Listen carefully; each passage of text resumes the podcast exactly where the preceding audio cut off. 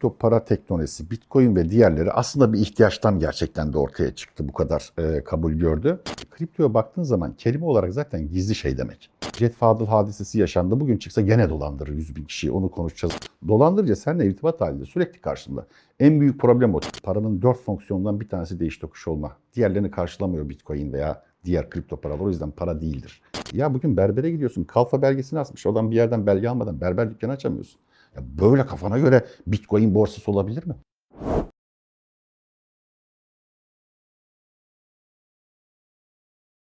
Bugün hocamla beraber kripto paralardan bahsedeceğiz ama başlangıcında bir e, bir soru sormak istiyorum. Belki orayla beraber başlamak istiyorum. Paranın şekli bu arada bence hem Türkiye'de hem dünyada paranın şekliyle alakalı en tutarlı grafiği, tabloyu oluşturan insan sensin. Yani paranın hangi biçimlere dönüşerek bizim hayatımızda yer aldığıyla alakalı ve bu biçimsel olarak yeni bir hale doğru da gidiyormuş gibi de görünüyor. Bugün de üzerine sohbet edeceğiz. Evet. Biz paranın biçimini değiştirmede en son bu kripto paralara, yani dijital ortamdaki kendi içerisindeki üretilmiş paranın kendisine neden ihtiyaç duyuyoruzdan başlayalım mı? Olur. Ee, bir şeyde. Bu Abi bize hiç belki anlamıyorum gerçekten ya. ya çoluk çoluk çocuk şu anda Bitcoin falan oynuyor.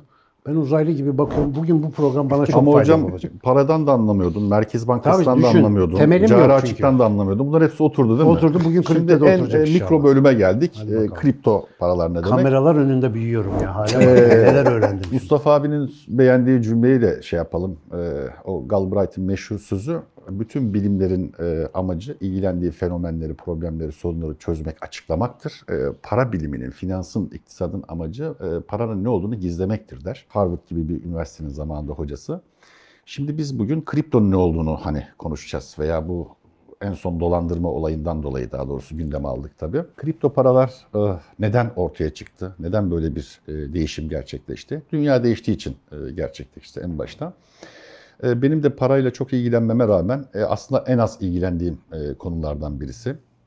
Hatta bu yönde ciddi eleştiri aldığım şeylerden birisi kripto paraları sevmiyorum gibi bir algı oluştu az konuştuğum için veya belki övmediğim için. Kripto paralar 11 yıl önce işte Bitcoin ile birlikte ortaya çıkan bir teknoloji. Yani biz burada 100 milyon 10 milyon insan olduğumuzu düşünelim. Kendi aramızda kağıdı kesip üzerine bir şeyler yazıp rakamlar yazıp buna para dersek bu para oluyor.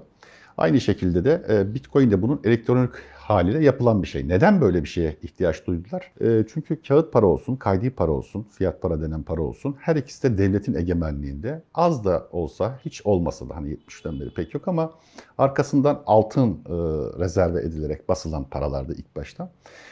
En önemlisi de devletlerin egemenliği var arkasında. Çünkü her nakit para, her kağıt para e, aynı zamanda devletin vatandaşına karşı hamiline bir borç senedidir. Bitcoin'in kuruluş amacında zaten e, açıklamışlardı. Biz artık merkezi bir devlet otoritesi e, tanımıyoruz, istemiyoruz. İstediğimiz gibi aramızda mal ve hizmetlerin değiş tokuşunu yapabilmek için böyle bir teknolojiyi kullandık.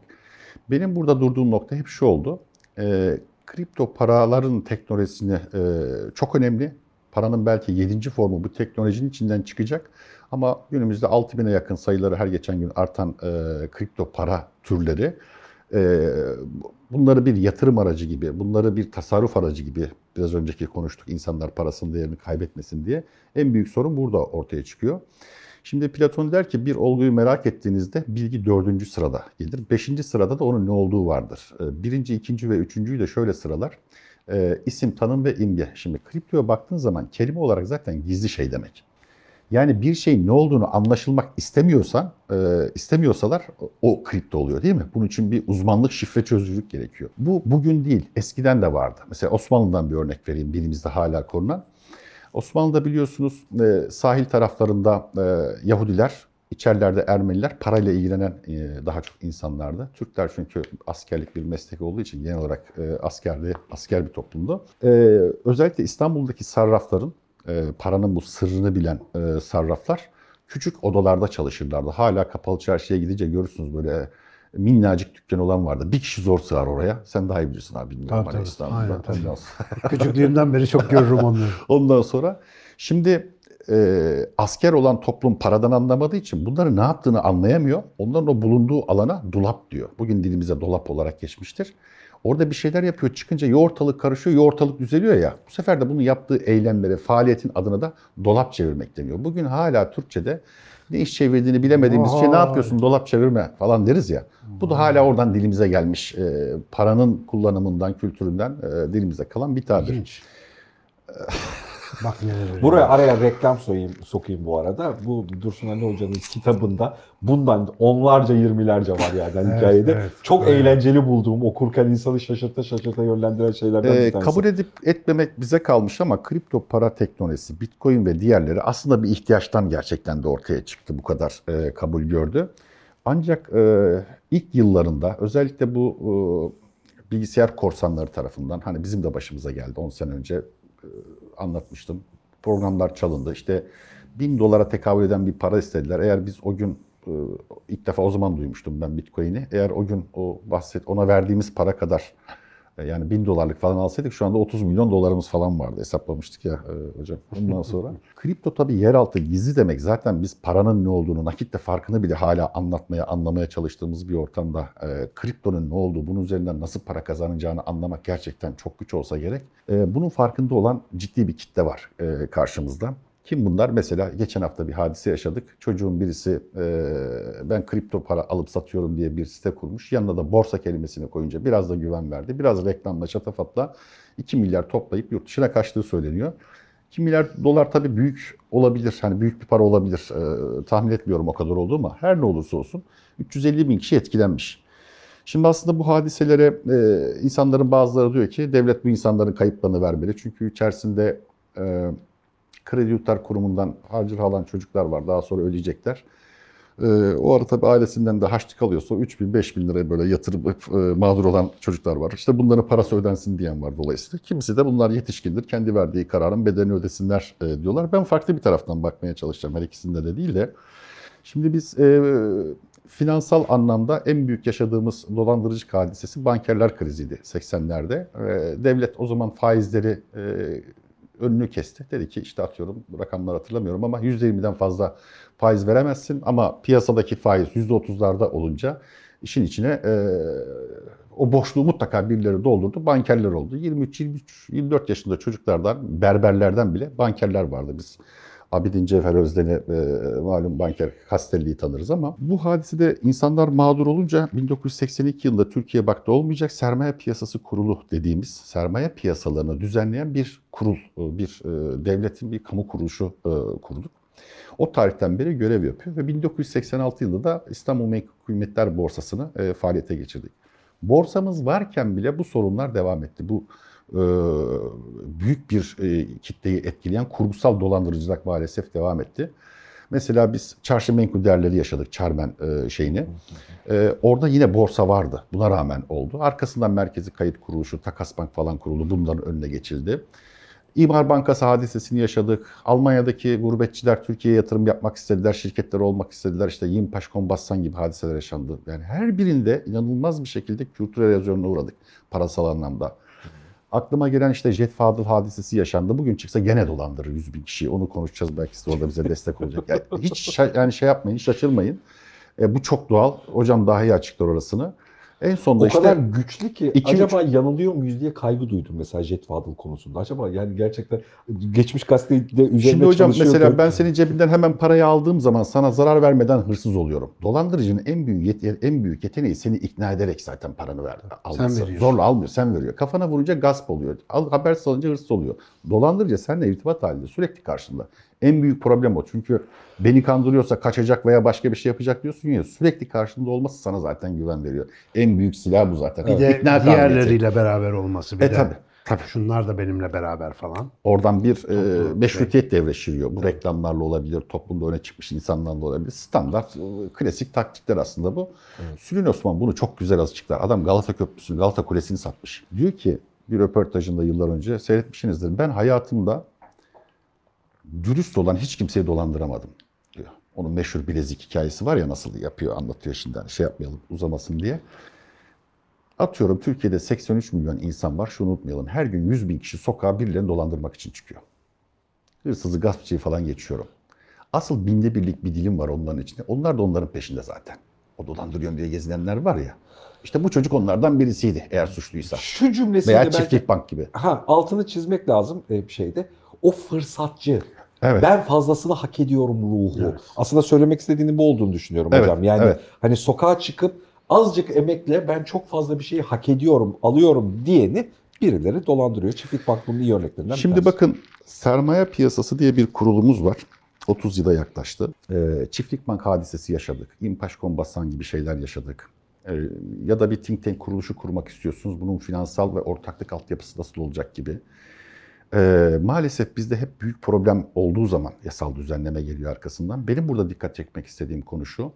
Bakın e, kripto paraların ortaya çıkış sebebinde diyor ki ben merkezi otorite olmadan değiş tokuş yapabilmeliyim. Paranın dört fonksiyonundan bir tanesi değiş tokuş olma. Diğerlerini karşılamıyor Bitcoin veya diğer kripto paralar. O yüzden para değildir iktisat bilimi açısından. Bitcoin para değildir şu an. Tabii Bitcoin ve e, kripto paralar. Paraların ilk en temel fonksiyonu olacak değiş tokuş. Mal ve hizmetin değiş tokuşuna aracılık etmek.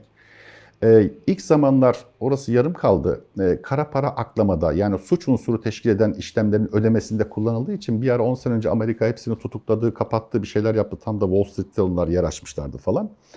Ee, kara parayla kayıt dışı başka bir şey ama. Kara para eroin aldın sattın onun karşılığında kazandığın para. Kayıt dışı para mobilya ürettin aldığın telle sattın ama fatura kesmedin. Devlete beyan etmedin. Yani ikisi arasında muazzam bir fark var baktığınız zaman. Bu e, kripto para teknolojisi daha çok şeyler tarafından e, bu e, art niyetli diyelim hani e, işte silah ticareti, şu uyuşturucu, şunda bunda kullanıldığı için devletler burada hep böyle bir mesafeli yaklaşıyorlar ama bütün e, bu, bunun üzerinde e, Türkiye'de fark ettiyseniz 10 yıldır korkunç reklamlar verildiği için boşta kalan para, işte bu uyanık geçinmeye çalışan, sabah akşam er yatıp sabah general kalkmak isteyen tipler bunların hepsi bu tuzağa yakalıyor. Gerçekten de kazanan da oluyor ama kaybettiğiniz zaman hani biraz önce bir şeyi para yapan e, paranın dört fonksiyonlarından birisi de ölçü birimi. E, size verdim hocam tabloyu ölçü birimi. Ölçü biri ne demek? Merkez Bankası'nın ana görevi var diye fi- fiyat istikrarı sağlamak. Yani bugün ekmek 2 lira yarın 5 liraya çıkması da büyük problem. 1 liraya düşmesi de problem. Bu şuna benziyor. Sehpa var 50 santim. Ertesi geliyoruz, bir gün geliyoruz 1 metre olmuş. Veya 10 santime düşmüş. E ne oluyor? İlişki kuramıyorsun. Sinir Bunu- bozucu sehpa. Tabii tabii fonksiyon olarak kullanamıyorsun onu çünkü. Ee, beni burada rahatsız eden şu, böyle bir kurumumuz olmasına rağmen, görevi olmasına rağmen bakın biz Bitcoin almaya kalktığımızda birincisi Türk lirasını kullanıyoruz. Senin reddettiğin, onun kuruluş amacında reddettiği parayı veya doları veya yani bütün milli paraları kullanıyorsun. Ondan ona geçiyorsun. Arttı ya da düştü tekrar kendi milli paranla geri alıyorsun. Bu bir. İkincisi bizim burada dikkat etmemiz lazım gelen nokta şu bence. Ee, para yatırdığımız Bitcoin alması için bize aracık eden firmaların sahiplerini tanımıyoruz. Yeterliliklerini tanımıyoruz. SPK tarafından bunlar düzenlenmemiş. Orada işlem yapan çocuklar kimlerse bundan uzmanlıklara, lisanslamalara yapılmamış. Benim aldığım para orada şirkette sıcak cüzdanda saklanıyorsa veya ben soğuk cüzdanda saklıyorsam bunun altyapısı, bizdeki takas bank ya da merkez kayıt, kayıt e, kuruluşu gibi bunların hala yapılmaması şu geçen hafta yaşanan hadiseden bir sene, iki sene, üç sene geçmeden çok daha büyük ağır e, olaylar yaşayacağımızın habercisi. Yani bunun için müneccim olmaya da gerek yok Bir maalesef. şey soracağım. Bu Bitcoin gibi kripto paraların değer artışının kaynağı yine talep mi? Talep bravo hocam. Ee, ama hiçbir ekonomik artı değere tekabül etmiyor bu. Yani orada benim anlayamadığım denge orada senin paranın miktarını arttıran bir değer sistemi var. Çok Evet. kötü bir gerçeklikle kabulleneceğiz hocam. Bir, bir durum var burada. Bu konunun tümü iki tırnak içerisinde hikaye. Evet yani, yani, onu diyeceğim. az önce Sadece onu söyledik. Kağıtların üzerine sayılar yazıyoruz. Biz hepimiz okey miyiz abi buna ikna mıyız? Bu bir değer mi diye kabul ediyoruz. Evet. Değer diye kabul ediyoruz. da bu böyle. Bu kadar. Bu değerin bir bir şeyi yok yani. Hani bu, bu zaten aslında kendi kitabının içerisinde çok güzel ataması yapıyor. Altın da böyle zaten aslında. Altını biz kü- kültür olarak getirdiğimiz için sanki değerli bir şeymiş gibi zannediyoruz. O da taştan bir fark olmayan bir maden de. Tabii. İnkalar mesela onu hiçbir şey için kullanmıyor. Soruyorlar Cortes'e ne yapacaksın bu kadar altın diyor. İspanya'da hepimizde öyle bir kalp hastalığına yakalandı ki bir tek bu bizi iyileştiriyor diyor. Mesela adam akıl sır erdiremiyor. Ne yapacağım bu kadar altın peşindesin diyor. Onun gibi. İyi ama merakım esas şundan geliyor. Kripto parayı sen normal paranla yani hepimizin kabul ettiği parayla kripto para alıyorsun. Kripto para bir değer yükselmesi e, yaşıyor ve daha fazla parayı oradan alıyorsun. Dolayısıyla bu parayla hiçbir aslında değer üretmeden bu para yükselmiş oluyor. Faizin bir dijital versiyonu gibi. Ya bir şişme oluyor Şöyle diyelim sanki. hocam çok güzel. Ee, yani bunun tanımlanmış zaten literatürde. Ee, bir şeye para yatırıyorsan Ya onun fiyat artışından, arbitrajından para kazanırsın ya oradan temettü geliri, kira geliri, faiz geliri alırsın. Burada bunların hiçbirisi yok. İnsanlar buraya sadece fiyat artışından faydalanmak için geliyor. Bugün 10 bin liralık, 10 bin Türk liralık e, bitcoin satın alayım. Ertesi gün 20 bin liraya satayım derdi de bu kadar. Yani Talep da- yükseldikçe fiyat yükseliyor Aha. normalde. Çünkü bitcoin'in e, şeyi sınırlı. Talep arttıkça bitcoin'in e, fiyatı yükseliyor.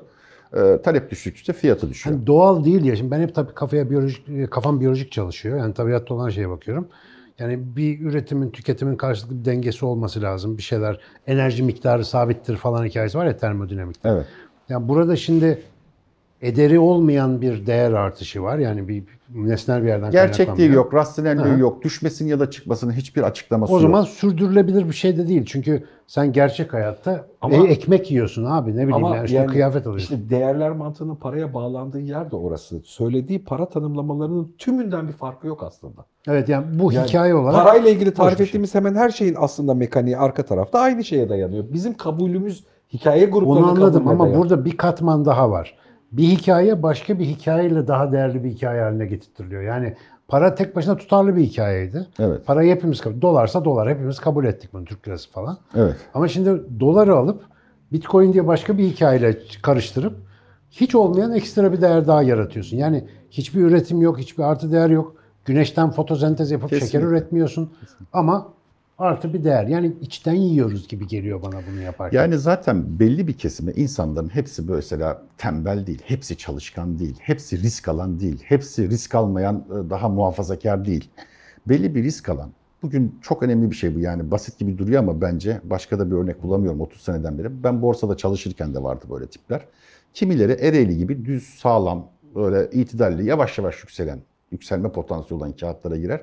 Kimileri mesela sürekli derinliği az, hacmi az, 3-5 oyuncunun e, sahipliğinde olan kağıtlarda bugün 10 liraya alıp hemen %10'una satmaya çalışan insanlar vardı. Bu insanlar hiç bitmiyor bunlar risk alan işte. Trafikte bir düzgün yolunda giden var. Bir daha bir arada giden tipler var ya. Bunlar arada giden tiplerin böyle bayıldığı şeyler. Bunların tuzağı.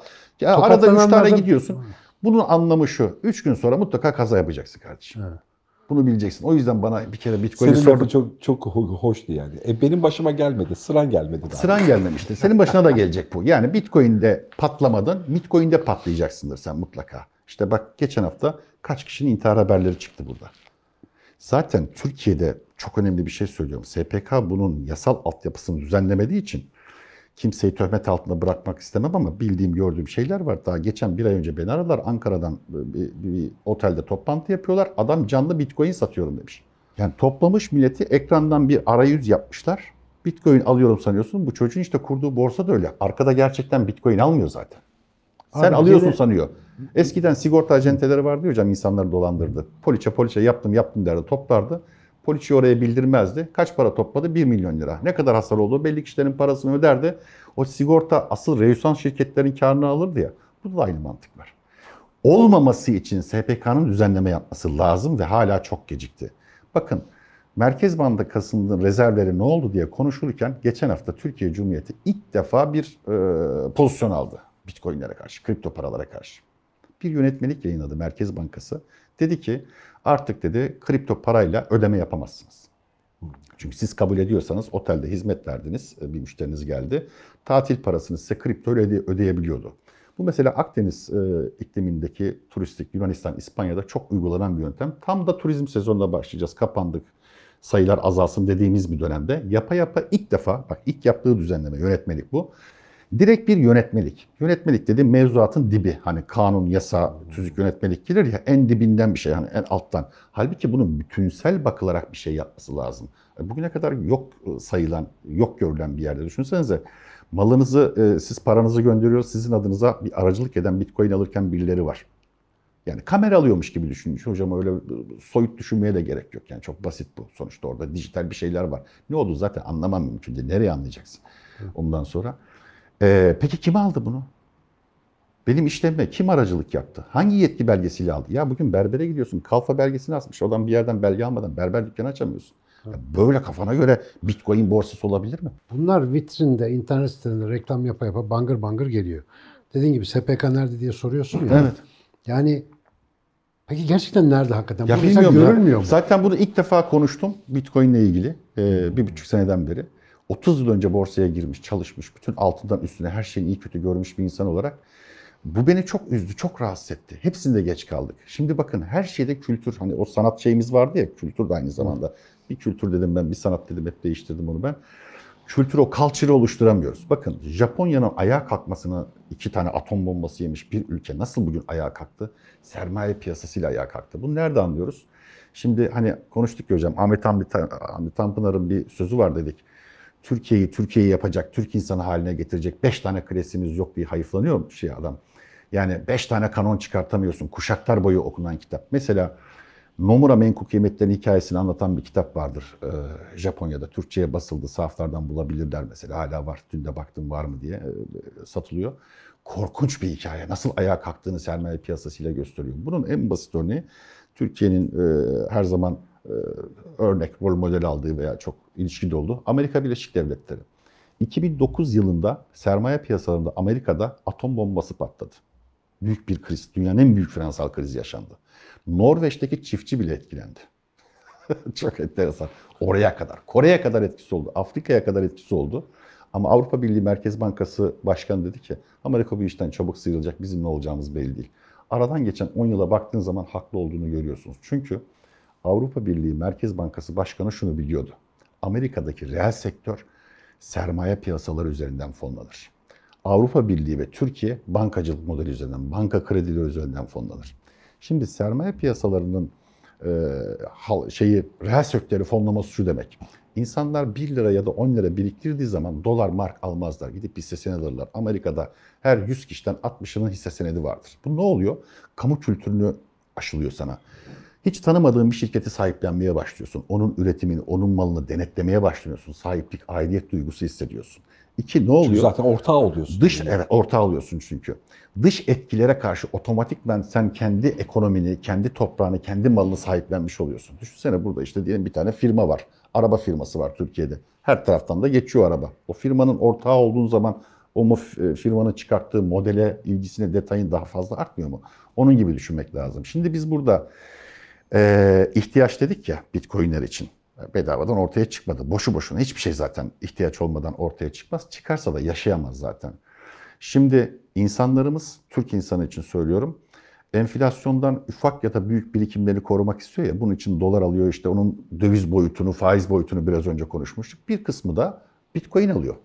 Kripto paralara yatırmak istiyor. Daha fazla parasını değerlendirmek istiyor. Riskli bir alana giriyor olabilir. O onun tercihidir bitmiş ama biz bunu sermaye piyasasını burayı düzenlemezsek bu dolandırıcılık devam edecek. Daha ilginci sermaye piyasası bunu düzenlerse ve aynı zamanda reel sektörün fonlamasını bu küçük tasarruflarla beraber e, yapacak o kanalı kurmaya kalkarsa o zaman bir başka olur. Çünkü bunu eskiden merkez bankaları yapıyordu ama artık merkez bankaları geleneksel bir modeldi. Sanayi devrinin bir ürünüydü Merkez Bankası yapılanması bugüne kadar ki.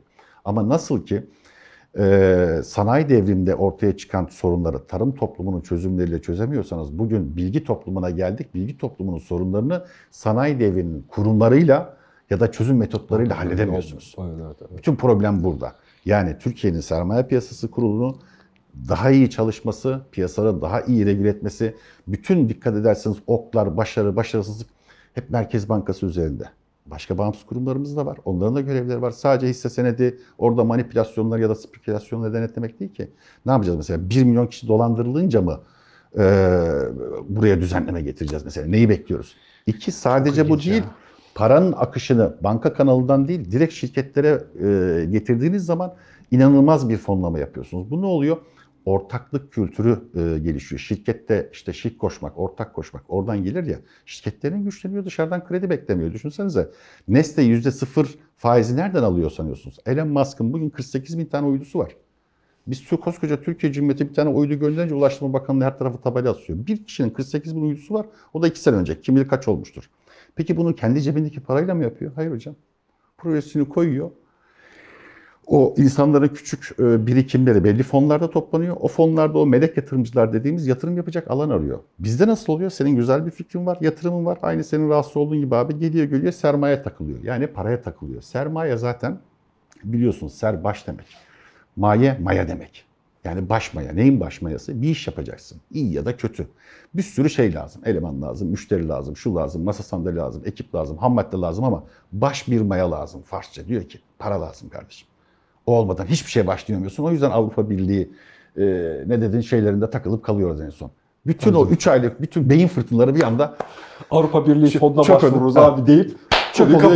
kapatıyoruz. Aynen öyle. O biraz önce geçtiği ya laf arasında hep fırsat arayanlar çarpılıyor Evet. diye. Yani bu Bitcoin'de de aynısı oldu. Banker facialarında da aynısı oldu. Aslında işte sanayi devriminin çözümleriyle bilgi toplumunun e, sorunlarını çözemezsin derken aslında elimizde bugünün yöntemlerini kullanmak için çok iyi başlangıç bilgisi de var. Yani işte bizim açık beyinde sürekli insanın fabrika diye ayarları diye anlattığımız ya bu insan niye böyle tokatlanmaya bu kadar müsait? Niye gözü doymuyor? Niye sürekli çalışıp düzenli bir yükseliş eğrisinde kazanmak yerine anında parsayı götürmeye merakı var? Bunu anlayabilirsek mesela neden hocam? e, yani bu bizim temelde endişe içerisinde bir canlı olarak milyonlarca yılda tabiatta olgunlaşmamızdan kaynaklanıyor. Biz tabiatta fırsatı bulunca çöken, mesela bulduğunu köküne kadar yiyen, sonra da o yediğiyle açlık günlerinde idare eden bir canlıyız. Yani bizim sistem buna göre çalışıyor. Şimdi Bu genetik kodlar buraya kadar geliyor yani değil mi? genetik, kültürel, başka da bizim bilmediğimiz başka kodlar da olabilir ama aynen atalardan geçiyor. Bunu hep şeyle örnek veriyorum ben. Markette alışveriş yaparken her zaman ihtiyacından fazla ürün almana sebep olan şey bu. Marketin yarın orada olacağına inanmayan bir beyin bölgesi var içeride. bir kere bulduk çök diyor. Şimdi bu fırsatçılık da biraz bununla alakalı. E İşte şimdi mesela keşke SPK'daki arkadaşlar bunu bilseler. O yüzden bir fırsat reklamı gördüğünde bunun sonucunun en azından toplumun hatırı sayılır bir kesiminin dolandırılmasına gideceğini görebilirler ama maalesef bu bilgi eksik ve o bir olsun da bakarız. Hani Evet, evet. bir yangın çıksın da o zaman itfaiye hortumunu çıkarız gibi bir kafayla bakılıyor galiba. Yönetmelik yine de onu yine- gösteriyor zaten. Yani üçüncü kez e, Dursun Ali Yaz'da oturuyoruz ama üçünde de düşünmezsen, araştırmazsan, Hep aynı merak yani. etmezsen başına bunlar gelir. Aklını to- kullanmayan toplumların üstüne de gökten pislik yer. Hakikaten evet. geldiğimiz yer hep burası oluyor. Hep yani. aynı. Çok acayip bir şey. Yani denklem aynen f eşittir m çarpı a ya da e eşittir mc kare gibi basit. Evet, evet. Ama biz bunu anlamayacağız diye bir tarafımızı yırtıyoruz. Allah'tan hayırlısı. Biraz da çize bunun ideolojiyle bir alakası olmadığını, bu sohbetin kendisini ideolojiler üstü, bilimsel olarak aklını, ruhunu düzgün kullanmayla ilgili bir şey olduğunu da fark etmek Zaten gerekiyor. bilim, felsefe, mantık diyoruz hepsi birbirini tamamlayan bütünün parçaları. Bunun zıttına bakarsak belki daha iyi anlarız. Bunun karşısı duygusallık. Hocam geçen sene İzmir'de deprem olduğu zaman ne dedi? Çok güzel metafor yapmıştı orada gözlemini. Dedi ki deprem olmuş. 40 bin tane bina var deprem bölgesinde. 4 bin tanesi yıkılmış ya da hasar almış. Hurra insanlar şey yapıyor, yardım ediyor, tırnaklarıyla parçalıyor. Görünce harika bir şey. Dışarıdan bakınca ben de öyle düşünüyordum. Hocam söyleyince ayıktım tamam mı? Aa dedi ya dedi bu dedi duygusallıktır dedi. Mantık şunu sormayı gerektiriyor. Bu binalar dört tanesi yıkıldı da bu 400 tane niye yıkılmadı? Bak, düşünebiliyor musun? Ne kadar basit bir soru. Arkasından ne zaman olacağı belli. Bir daha olunca gene aynı şeyi yaşayacağız. İki yardım etmeye giriyorsun. Sana bir şey olabilir. Eğitimli değilsin. Belki üstüne bastın orada birisinin falan. Nereden bakarsan bir fırtına. İşte mantığın zıttına baktığın zaman hani ben buna duygusallık, hamaset işte bu tip şeyler söylüyorum. Dücane Cündioğlu'ndan alıntı yapalım. Bir toplum diyor akılla yönetiliyorsa orada takdir vardır ve yanlış yapıyorsa da cezası vardır bu işin. Yani kanun, hukuk Evet, vardır. evet. Ama duygusallıkla yönetiliyorsa ya yoldaşlar, işte silah arkadaşlar ya da hainler vardır. Şimdi aslında çok güzel bir durum. Yani birisi yanlış yaptığında sadece yanlış yapmıyor. Hain oluyor duygusal bir yerde. Çünkü akılla sınayıp onun hatasını düzeltebilecek becerin de kalmıyor. O hatayı engelleyebilecek önlemi de alamıyorsun. Ve maalesef ağır duygusalız. Bir de işin garibi küçük ölçekte bayağı mantıklı olabiliyoruz. Ama ölçek büyüdükçe, ülke çapına geldikçe iyice mantık buharlaşıyor. Tamamen duygusal. Ver odunu. Herkes bir gazla gidiyor. Allah sonumuzu ayretsin ama bunları konuşa konuşa bu işler Şimdi oturacak. hocam. piyasada dedik ya nakit TL olarak 25 milyar dolar karşılığı. Hep genelde bu rakamlarda Türk lirası var. Kaydi parayla birlikte 400 milyar doların üzerinde para var. Şimdi bu para ekonominin sıhhatli ilerlemesi için vücuttaki 5 kilo kan gibi sürekli dolaşması lazım. Bir yerde durduğu zaman kangren oluyor. Az olduğu zaman tansiyon düşüyor. Hiç olmayınca ölüyorsun zaten falan. Tabii. Yani Bizim insanımız, Doğu insanı veya Türk insanından bahsedelim, Doğu kültüründen değil özellikle. Daha yeni Balkan Savaşları, Kurtuluş Savaşı'nın travmasını daha yeni atlatmış bir millet zaten. Daha yeni demokrasiye geçmiş. 85'ten sonra, 83'ten sonra dışa açılmaya, liberal ekonomilere geçmişsin. Türkiye Cumhuriyeti'nde 2011 yılında küresel ticaret yasası çıktı zaten. Hocam çok affedersin gerçekten sözünü böldüm ama yani bu, bu kızdığım bölümlerden bir tanesi oluyor. Şu bitmeyen travmalarımız var geçmişte bunu bir türlü üzerimizden atamıyoruz falan. Ya toplum olarak biz 5 senede WhatsApp'ı kullanmayı öğreniyor ve hayatımızın tümü WhatsApp'taymış gibi yaşıyoruz. Biz 5 senede bunu öğreniyorsak onu travmalarını atmayı da 10 senede öğreniriz aslında. Hikayeleri dönüştürmeyi. Burada başka başka başka teknik problemler de varmış gibi görünüyor. Bireysel aslında olarak- seni, seni karşında bir şey söylüyormuşum gibi oldu ama aksine seni destekliyorum. Hikayede yani duygusal olarak da. Şimdi bireysel olarak çok hızlı öğrenme yeteneğine sahip. 36 Evet. ile 42. paralel arasındaki bütün insanlar böyle. Ama bunu kurumsal kimliğe, kurumsal hafızaya Ha, aktaramadığı zaman problem burada başlıyor Evet. hocam. Organizasyon. Şimdi şunu demek istedim. Bu paranın dolaşması gerekiyor ya. Geleneksel ekonomik modelde bu görev merkez bankalarında. Artık sermaye piyasasının. Bunu söylemeye çalışıyorum.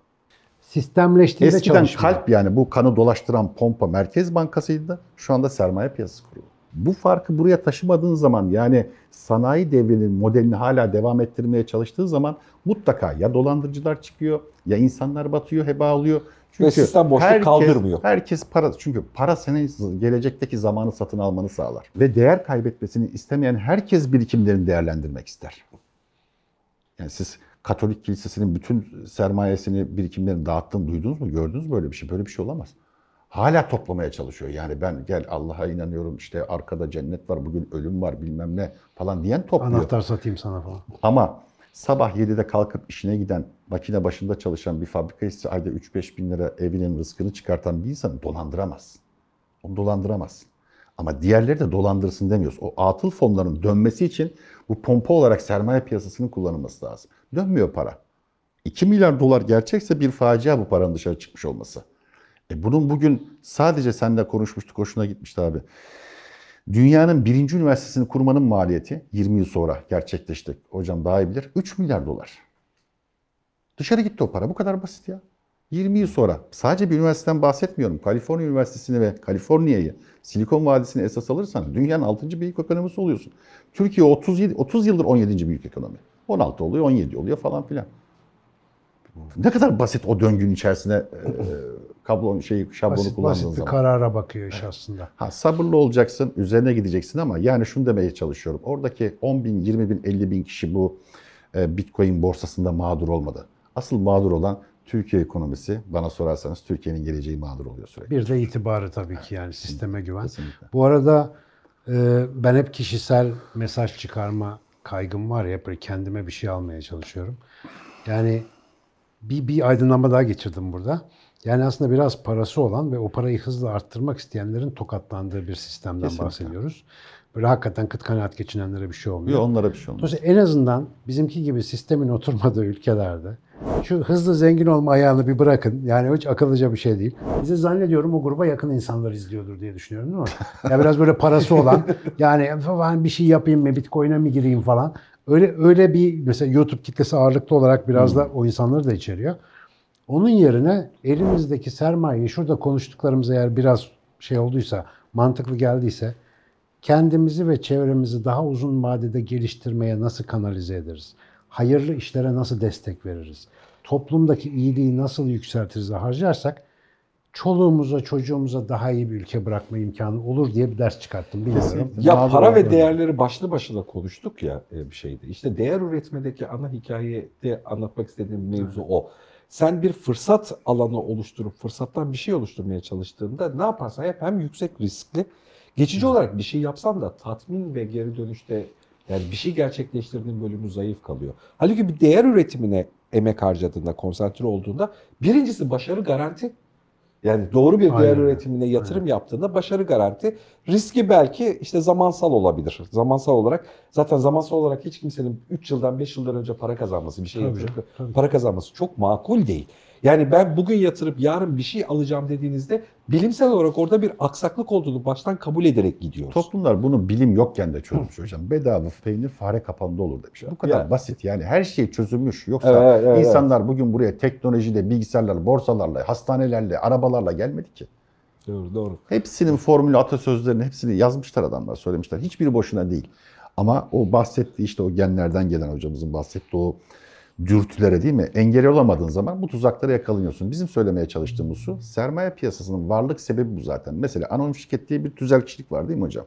Bunun varlık sebebi nedir biliyor musunuz? Ortaya çıkış sebebi. Nedir? Şirketteki sermayeyi ortaktan korumak. Çünkü en yakın oysa en büyük düşman odur zaten. Ne iyiymiş ya. Yani ortağın parasını dışarıdan korumak değil. Hani kale için derler ya eski orta çağ kaleleri için. Dışarıdan içeriye girmeye engellemek değil. Asıl amacı öncelikle içeriden dışarıya çıkışı engellemektir. Aynı onun gibi. Vay arkadaş. Bu sohbetin zemininde bir şeyi ayırmak gerekiyor. Onun üzerine de ayrıca konuşmak lazım. Çok prestijli bulduğum bir başka kavramla kripto paralar çok yakın kullanılıyor. O da blockchain hikayesi. Blockchain ile kripto para birbirinden farklı şeyler. Sadece kripto para blockchain teknolojisini kullanıyor. Üzerine Yapılan- oturuyor, evet. Üzerine oturuyor. Paranın yedinci formu olacak olmaya aday dediğim zaten o blockchain teknolojisini kastetmiştim. E, aynen öyle. Blockchain teknolojisi ve onun üzerine oluşturacağı ekonomi, değerler grubu Kesinlikle. belki daha sonrasında beraber konuşmamız gereken bölümlerden bir tanesi. Yani kripto para, para farklı bir şey. Şu anda hele de şu güncelde yaşadığımız kripto para farklı bir şey. Blockchain mekaniği yani sahibi olmayan, hareket eden, kendi kurallarıyla belirlenmiş sabit algoritmaların standart üretimi başka bir şey. Bu bence geleceğin e, geleceği algılamada Tabii. çözülmesi gereken Es- e, eskiye içeriklerden dönüştü mü blockchain? Köydeki herkesin Mehmet Ağa'nın tekesini tanıdığı sistem yani bu onun Evet. falan bitti. Evet, Herkes evet. onu diyorsa onun öyle, Bravo güzel güzel Vallahi yerden bağlandı. Valla önce bunu bir sindirelim sonra oraya girelim. Ee, Dursun Ali'ye seni bırakmak yok açık. daha Eyvallah, sağ olun. Daha konuşacak konularımız var. Evet. Türk eğitimini konuşalım seninle. Evet. Bir dahakine e, onu belirlemiş olduk. Güzel Hocam çok çok teşekkür ediyorum. Çok ben eğlenceliydi. teşekkür ederim. Her ikinize de saygılar sunuyorum. Teşekkürler.